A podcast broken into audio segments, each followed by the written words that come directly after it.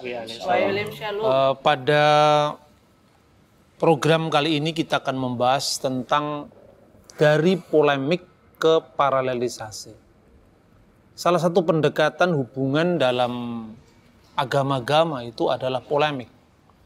Polemik ini sebuah perdebatan untuk mencari menang atau kalah. Jadi artinya kalau pendekatannya polemik itu adalah bagaimana itu bukan semacam perbandingan tapi pertandingan agama. Karena orang mencari menangnya sendiri, biasanya tidak mencari kebenaran secara hakiki, tetapi mencari pembenaran. Karena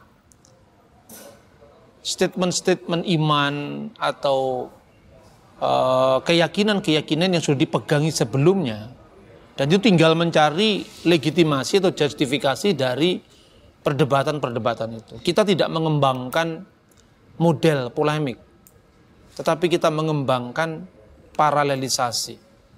Apakah yang disebut paralelisasi dan apa bedanya dengan polemik? Biasanya polemik itu mengukur agama orang lain dari ukuran agama kita. Padahal pendekatan semacam ini menurut saya tidak saintifik. Karena kadang-kadang apa yang dimaksudkan oleh satu terminologi dari agama tertentu, meskipun itu istilahnya sama, tapi belum tentu maknanya sama. Nah kita kemudian memaksakan makna kita sendiri kepada agama orang. Itu saya kira tidak fair.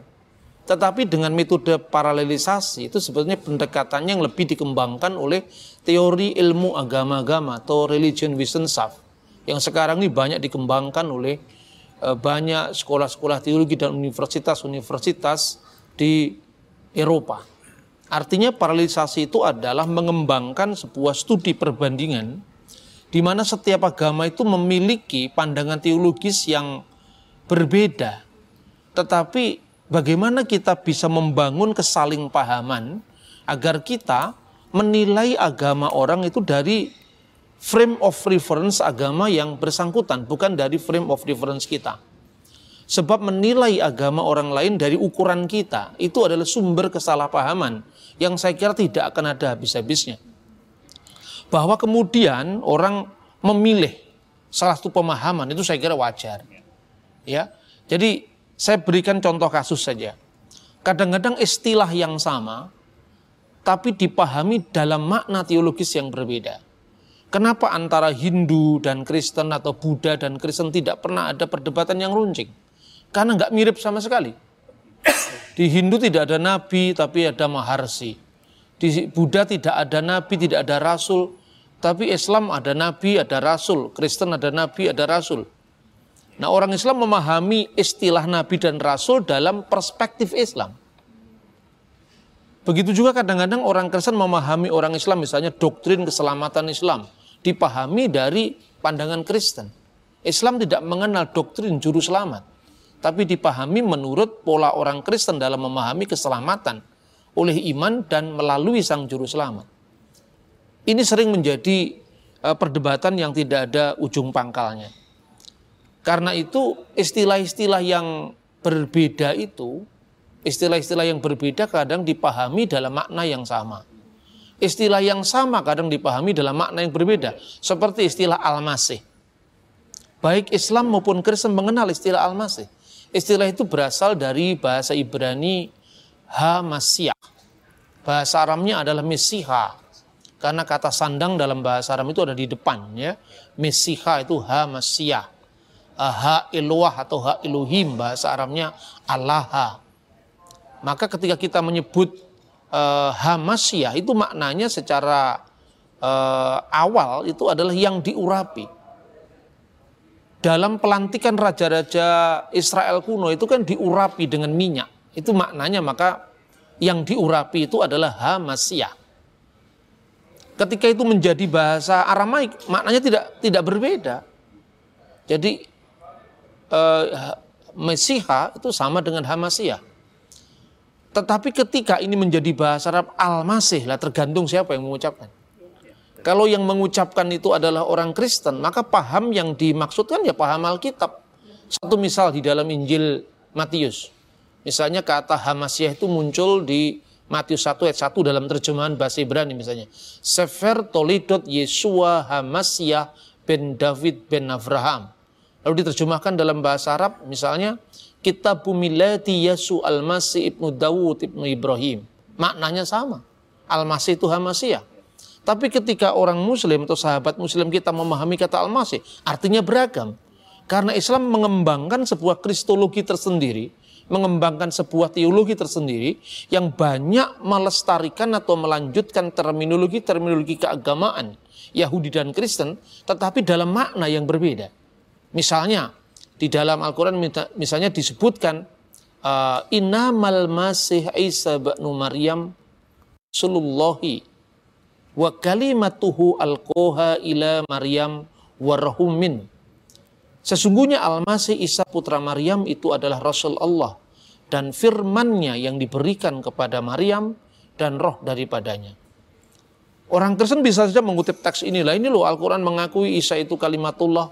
Isa itu adalah Al-Masih. Kita lupa bahwa teologi Islam mengembangkan makna yang berbeda dengan makna semula yang diambil alih dari terminologi Yahudi dan Kristiani. Misalnya Ibnu Kasir mengembangkan istilah Al-Masih itu artinya seorang yang berjalan dan kakinya rata misalnya. Ini kan tidak ada sama sekali dalam rujukan Yahudi Kristiani, tidak ada istilah itu. Al-Masih itu seorang yang mengusap, siapa pun yang diusap akan sembuh. Memang benar Isa menyembuhkan banyak penyakit, penyakit buta, apa itu lepra, bahkan menghidupkan orang mati dan mujizat-mujizat itu diakui dalam Al-Quran. Tetapi maknanya tentu tidak sama dengan Al-Masih itu pengusap yang diusapkan adalah sembuh, tidak sama. Nah ini yang harus disadari di dalam konteks dialog teologis antara Islam dan Kristen. Yang kedua, istilah-istilah yang berbeda sama sekali. Tapi maknanya itu menunjuk kepada uh, apa ya paham teologis yang sama. Misalnya, ketika saudara muslim mengucapkan kiranya Allah memberikan taufik dan hidayahnya kepada kita. Taufik dan hidayat itu adalah bagian dari karya roh kudus. Jadi ketika orang Kristen mengucapkan konsep roh kudus yang memberkati, yang memberikan bimbingan, karena roh kudus memberikan bimbingan para nabi, bukan satu-satunya tapi salah satunya. Itu sebetulnya menggambarkan apa yang diucapkan oleh saudara muslim kiranya Allah memberikan taufik dan hidayah misalnya. Nah ini perlu dipahami. Terus yang berikut, kita harus menempatkan agama itu bukan ruang hampa budaya. Agama itu muncul dari konteks sejarah. Karena itu kita harus mengembalikan terminologi-terminologi keagamaan itu pada asal usul. Misalnya ketika bicara tentang Al-Masih. Yesus misalnya. Yesus itu nama eh, Yunani. Yesus Kristus atau Yesus Kristus bahasa Latin. Kita sah-sah saja menggunakan kata itu karena apa? Pada zaman Yesus itu memang masyarakatnya multilingual, multicultural. Yesus sendiri berbicara minimum dalam tiga bahasa. Ketika orang Yahudi di Yerusalem misalnya itu golongannya para kohen, para imam. Ketika dia mengenal Yesus itu Yesua atau Yehosua. Dan dia percaya misalnya Nikodemus orang Yahudi yang percaya Yesus itu adalah benar-benar yang dinubuatkan dalam kitab Taurat dan kitab para nabi bahwa dia adalah Hamasyah. Maka dia menyebut Yesua Hamasyah. Tapi penduduk sekitar Kapernaum, Nasaret, Bethlehem, dia tidak menggunakan bahasa Ibrani sehari-hari mereka menggunakan bahasa Aram. Tetapi pasti dia menyebut Yesu Mesiha. Ketika Yesus berdialog dengan perwira Romawi di Kapernaum, dia tidak tidak ber, tidak menggunakan tidak memakai seorang translator atau juru penerjemah. Seandainya orang Romawi itu percaya Yesus itulah yang diurapi Tuhan dalam kitab perjanjian lama, mungkin saja dia membaca Septuaginta yaitu Alkitab di dalam bahasa Yunani, pasti dia menyebut Yesus Kristus. Jadi itu semua kata-kata yang muncul dalam konteks sejarah. Tetapi untuk menyebut dia Isa nanti dulu, mulai kapan kata itu dipakai itu harus jelas. Dan di sini ada banyak sekali disiplin ilmu yang harus kita pelajari.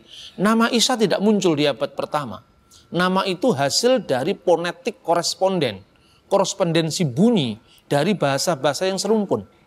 Kenapa Yesus kok disebut Isa? Jauh sebelum zaman Islam sebetulnya kata Isa atau Isowa itu sudah muncul di dalam teks-teks e, bahasa Aramaik. Bahasa Aramaik sendiri juga tidak satu versi, satu apa, satu bentuk tunggal ya Ada bahasa Aramaik yang dipakai di Syria Timur. Ketika orang-orang Yahudi pasca pembuangan dari Babel, mereka mengembangkan huruf tersendiri yang namanya huruf Asyurit atau huruf Asyur yang dikenal sebagai huruf Ibrani sekarang. Pada zaman Salomo misalnya, huruf Ibrani itu belum sama dengan huruf Ibrani yang bentuknya kotak-kotak seperti ini. Huruf Ibrani itu masih mirip dengan huruf Samaritan, Ibrani Samaria, yang itu dikenal sebagai istilah Paleo Hebrew. Dan dari mana kita tahu? Historically, kita melihat misalnya kalender Geser itu muncul dari zaman Salomo, Raja Salomo. Uh, prasasti Teldan itu kira-kira abad 9 sebelum Masehi itu masih sangat berdekatan dengan zamannya Daud dan Salomo. Di situ untuk pertama kali kita mendapat rujukan kata-kata Bet David, rumah Daud. Nah, kita bisa melacak dari sumber-sumber sejarah seperti ini. Maka teologi harus juga bekerja sama dengan ilmu pengetahuan umum. Seandainya kita hanya berbicara teologi ansih, itu kecenderungan untuk menjasmen orang lain, kecenderungan untuk mengatakan kita paling benar, itu tinggi. Bagaimana kita mengatakan paling benar dong, tahunya hanya itu. Iya kan? Ini dalam diskusi-diskusi seperti ini menurut saya tidak ilmiah. Bagaimana kita menyebut Yesus itu adalah Isa? Ini proses korespondensi bunyi yang berjalan cukup lama. Prasasti pertama yang menyebut nama Isa itu prasasti yang ditemukan di Syria. Dan itu tepat karena memang wilayah Syria itu berbicara memakai bahasa Aramaik. Yaitu sebuah dir, sebuah biara yang dikenal dengan dir Isania. Biara pengikut Isa, the follower of Isa. Nah kata Isa itu merupakan perubahan ponetik dari kata Yesua. Satu contoh misalnya. Di dalam kitab Devarim atau Sefer Devarim atau kitab ulangan 6 ayat 4. Kalau kita membaca teks Ibrani berbunyi Shema Yisrael. Adonai Elohenu Adonai Ikat. Dengarkanlah wahai Israel, Adonai Allah yang kita sembah, Adonai Tuhan itu Esa. Nah, kata Yisrael itu digunakan kata Yod. Huruf Yod, Yisrael. Di dalam terjemahan Pesita, Pesita itu Alkitab di dalam bahasa Ramaik ada versi yang menyebutkan Sema Yisrael. Maria Alahan, Maria Hadhu. Dengarkanlah wahai Israel, Tuhan Elohim kita. Tuhan Tuhan itu Esa. Tetapi ada juga uh, sebuah teks pesita yang menerjemahkan bukan Yisrael tapi Israel. Di sini huruf Yod berubah menjadi huruf alif, ya. Sema Israel bukan Simma Yisrael. Alhasil banyak juga istilah-istilah atau nama-nama diri dalam bahasa Ibrani ketika diterjemahkan di dalam bahasa Aramaik itu menjadi dari Yod menjadi Alif. Misalnya Yisrael Israel, Yismael Ismael, ya kan? Kemudian Yisayahu Isayah, ya menjadi bahasa Arab Isayah, Yermiyahu, Ermia dalam bahasa Aramaik dan bahasa Arab. Itu yang pertama. Yang kedua, uh, O panjang di dalam bahasa Ibrani sering kali ini nggak ada hukum bunyinya. Ini namanya ponetik koresponden. Jadi pertukaran bunyi. Karena apa? Kita setiap bangsa itu kan memiliki keterbatasan pronunciation. Misalnya orang Cina tidak bisa ngomong huruf S di belakang. Maka dia tidak mengatakan Feng Chu Yesus, tapi Feng Chu Yesu Tekmi. Ya kan? Itu misalnya satu contoh. Maka O panjang kadang-kadang berubah menjadi A panjang. Misalnya, uh, shalom bahasa Ibrani menjadi salam bahasa Arab. Shin itu menjadi sin, sin ringan. Huruf waw di situ shalom, shin, lamet, uh, waw, mim. Shalom menjadi sin, lam, alif, mim. Salam. Shalom alaikum. Salamu alaikum. Bahasa Arabnya juga selama. Huruf wawnya hilang tapi sinnya tetap sin, bukan sin. Ini suatu yang terjadi dalam proses korespondensi bunyi. Makanya salah satu terjemahan dari uh, tulisan Josephus di dalam bahasa Aram, mungkin itu malah naskah aslinya, yang diterjemahkan oleh Abba Agabius dari gereja Syria Ortodok, itu menyebut pada waktu itu, kata Josephus itu ahli sejarah Yahudi abad pertama, ada seorang yang uh, bijaksana namanya Yesua fi hadal zaman yaisu uh, rijalun hakim ismuhu isowa pada saat itu, pada zaman itu ada seorang hiduplah, seorang yang bijaksana namanya Isowa. Di sini dari kata Yesua. Lah, kalau agama bisa kita tempatkan dalam konteks studi kritis yang seperti ini cukup menarik. Ya. Kemudian yang terakhir yang ingin saya sampaikan selain studi peristilahan atau terminologi atau apalah katakan filologi lah ilmu tentang perbandingan bahasa itu kita bisa melihat baru pada aspek teologisnya. Jadi saya katakan tidak cukup mengatakan menurut Ibnu Kasir kata uh, Al-Masih itu artinya pengusap, siapa yang diusap itu langsung sembuh. Itu kan tidak historical, tidak memiliki nilai historis. Karena apa? Ya, Ibnu Kasir hidup di abad 14. Sementara Yesus hidup di abad pertama, ini sama saja kalau kita membahas Patih Gajah Mada berdasarkan naskah Melayu dapat 21. Saya kira itu tidak tidak ilmiah itu ya. Ya kita harus mengembalikan pada teks-teks sumbernya.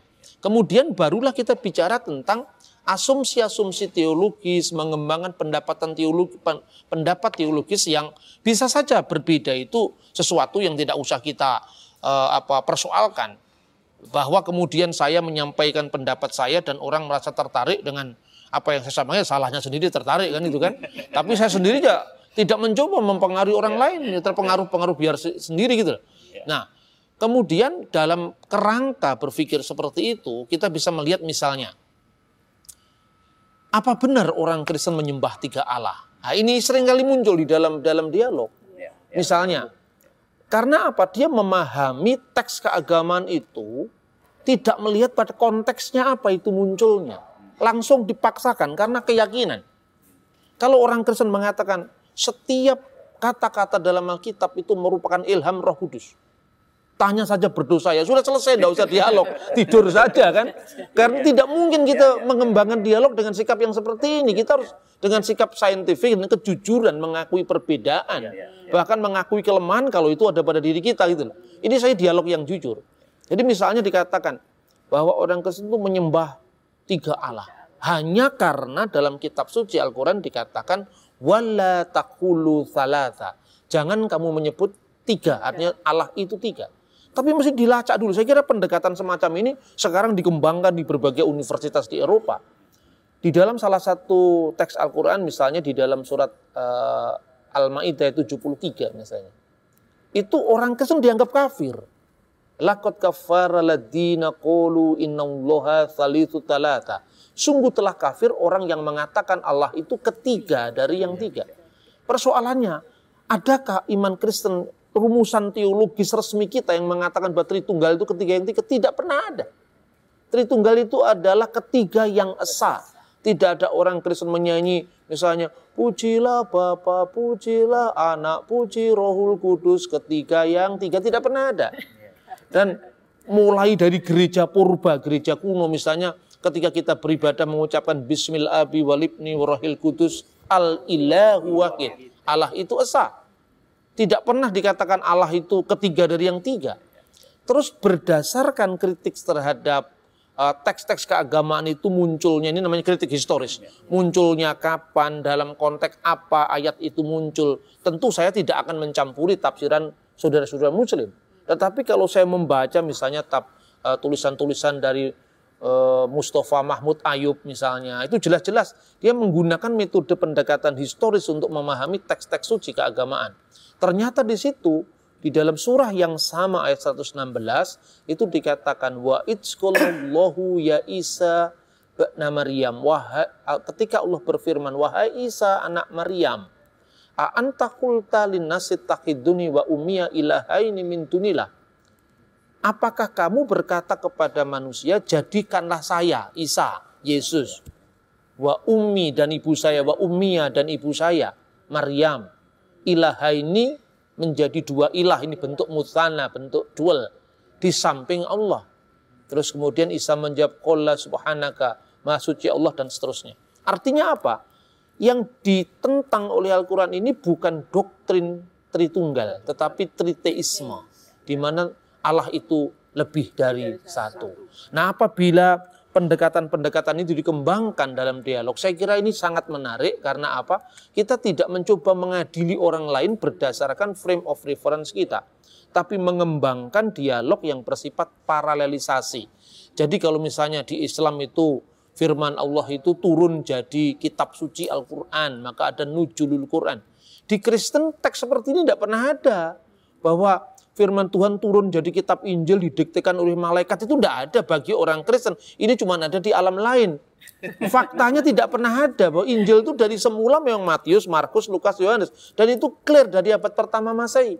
Kalaupun ada Injil-Injil yang lain misalnya Injil Yudas, Injil Bartolomeus, apalagi Injil Barnabas di zamannya VOC baru muncul itu. Tentu tidak bisa dijadikan rujukan. Jadi ketika orang Islam memahami Kristen, pahamilah kekristenan dari sudut pandang Kristen. Saya ingin mengutip satu penulis dari Mesir, itu kira-kira tahun 50-an, 1950-an. Namanya Fatih Usman. Dia menulis satu buku menarik, judulnya itu adalah Ma'al Masih fi Anajilil Arba'ah bersama Al-Masih dalam keempat Injil. Kira-kira kalau diterjemahkan di balik buku dari Fatih Usman itu, kalau kalian orang Islam mau membahas Al-Masih, silahkan membaca Injil saja. Jangan kita memaksakan perspektif kita untuk menilai orang lain. Begitu juga kita orang Kristen. Tidak bisa memaksakan perspektif kita untuk menilai Islam, menilai Hindu, menilai Buddha. Mari kita rayakan perbedaan, kita rayakan uh, apa namanya pemahaman yang berbeda-beda karena ini ini binika tunggal ika berbeda-beda tetapi satu. Sekalipun kita tidak sama tetapi kita bisa bersama-sama. Nah, saya kira itu beberapa uh, presentasi yang bisa saya sampaikan, bisa kita diskusikan bagaimana kita melihat perbedaan-perbedaan sekaligus persamaan-persamaan itu. Terima kasih.